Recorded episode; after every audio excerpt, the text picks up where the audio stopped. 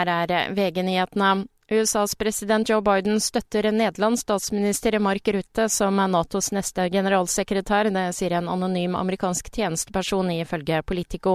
Hvis opplysningene stemmer, vil trolig Biden støtte få flere Nato-medlemmer på glid. I går meldte Politico at to tredeler av Natos medlemmer støtter Ruttes nominasjon. Sittende Nato-sjef Jens Stoltenbergs periode utløper i oktober. Målet er at Nato skal ha utpekt en ny leder før Nato-toppmøtet i Washington i juli. Reporter Frode Sti.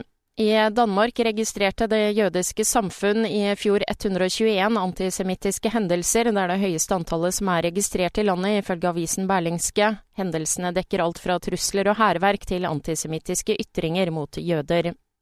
Ingen personer ble skadet da det begynte å brenne i et gartneri i Ballangen i går kveld. Det 3000 kvadratmeter store gartneriet brant ned. I tillegg ble en brannbil og et bolighus ødelagt. Ifølge lokalavisen Fremover mistet 153 husstander strømmen som følge av brannen.